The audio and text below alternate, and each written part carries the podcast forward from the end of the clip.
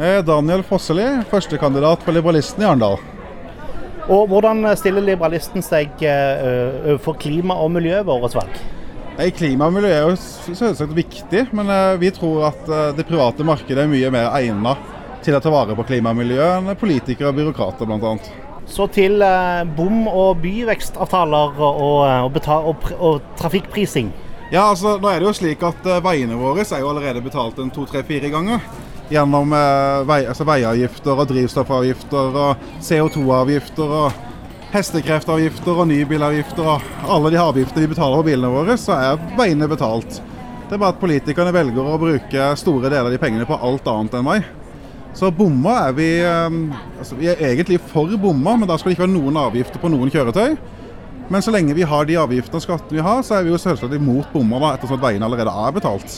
Men hvordan skal en kunne opprettholde et godt kollektivtilbud? Hvordan skal en kunne opprettholde en god veistandard eh, med, med, deres måte å, å, å, prise ting på, da?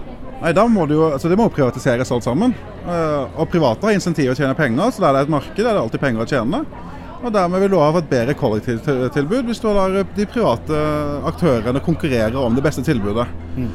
Det gjelder også veier, for så vidt. Veier kan også driftes privat, eh, med bommer. da. Eh, men da har du jo heller ingen andre inntekter fra bilene. Mm. Hvordan stiller Liberalisten seg til næringsutvikling? Hva er viktig for at Arendal skal utvikle seg innen næringen? Helt klart så er det jo viktig at Arendal kommune slutter å jobbe imot næring. Det gjør vi jo nå, føler jeg. Når McDonald's ikke får lov til å åpne på natta i helgene, og, og utestedene må stenge klokka to framfor tre, og du har eh, eiendomsskatten som skal settes opp nå med, på næringsbygg og alt det her. Det er jo ja, privatbygg òg, men eh, jeg føler at skal du, skal du virkelig ta vare på næringa, så må du være imøtekommende mot de som ønsker å starte. Og du må jo senke og eventuelt fjerne eiendomsskatt, slik at næringsbygg ikke blir dyre å eie. Vi må ta vare på Arendal som en næringsby. Vi kan ikke bare være offentlig ansatt alle sammen.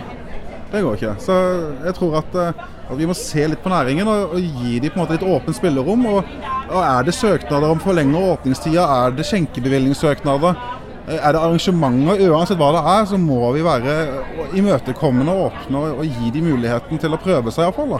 Det verste som kan skje, er at en bedrift går konkurs. Men da har de prøvd. Og vi må ha folk som jobber i Arendal. Vi har la, lav skatteinntekt i byen. Vi er 15% under landsgjennomsnittet.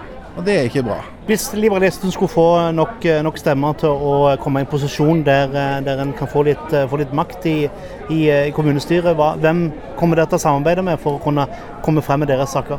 Det som er så fint med oss, er at vi er ikke på det vanlige høyre-venstre-spekteret.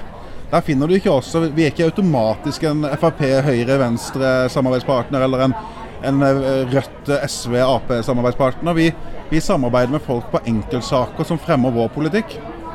Og vår politikk er jo økt frihet til individet.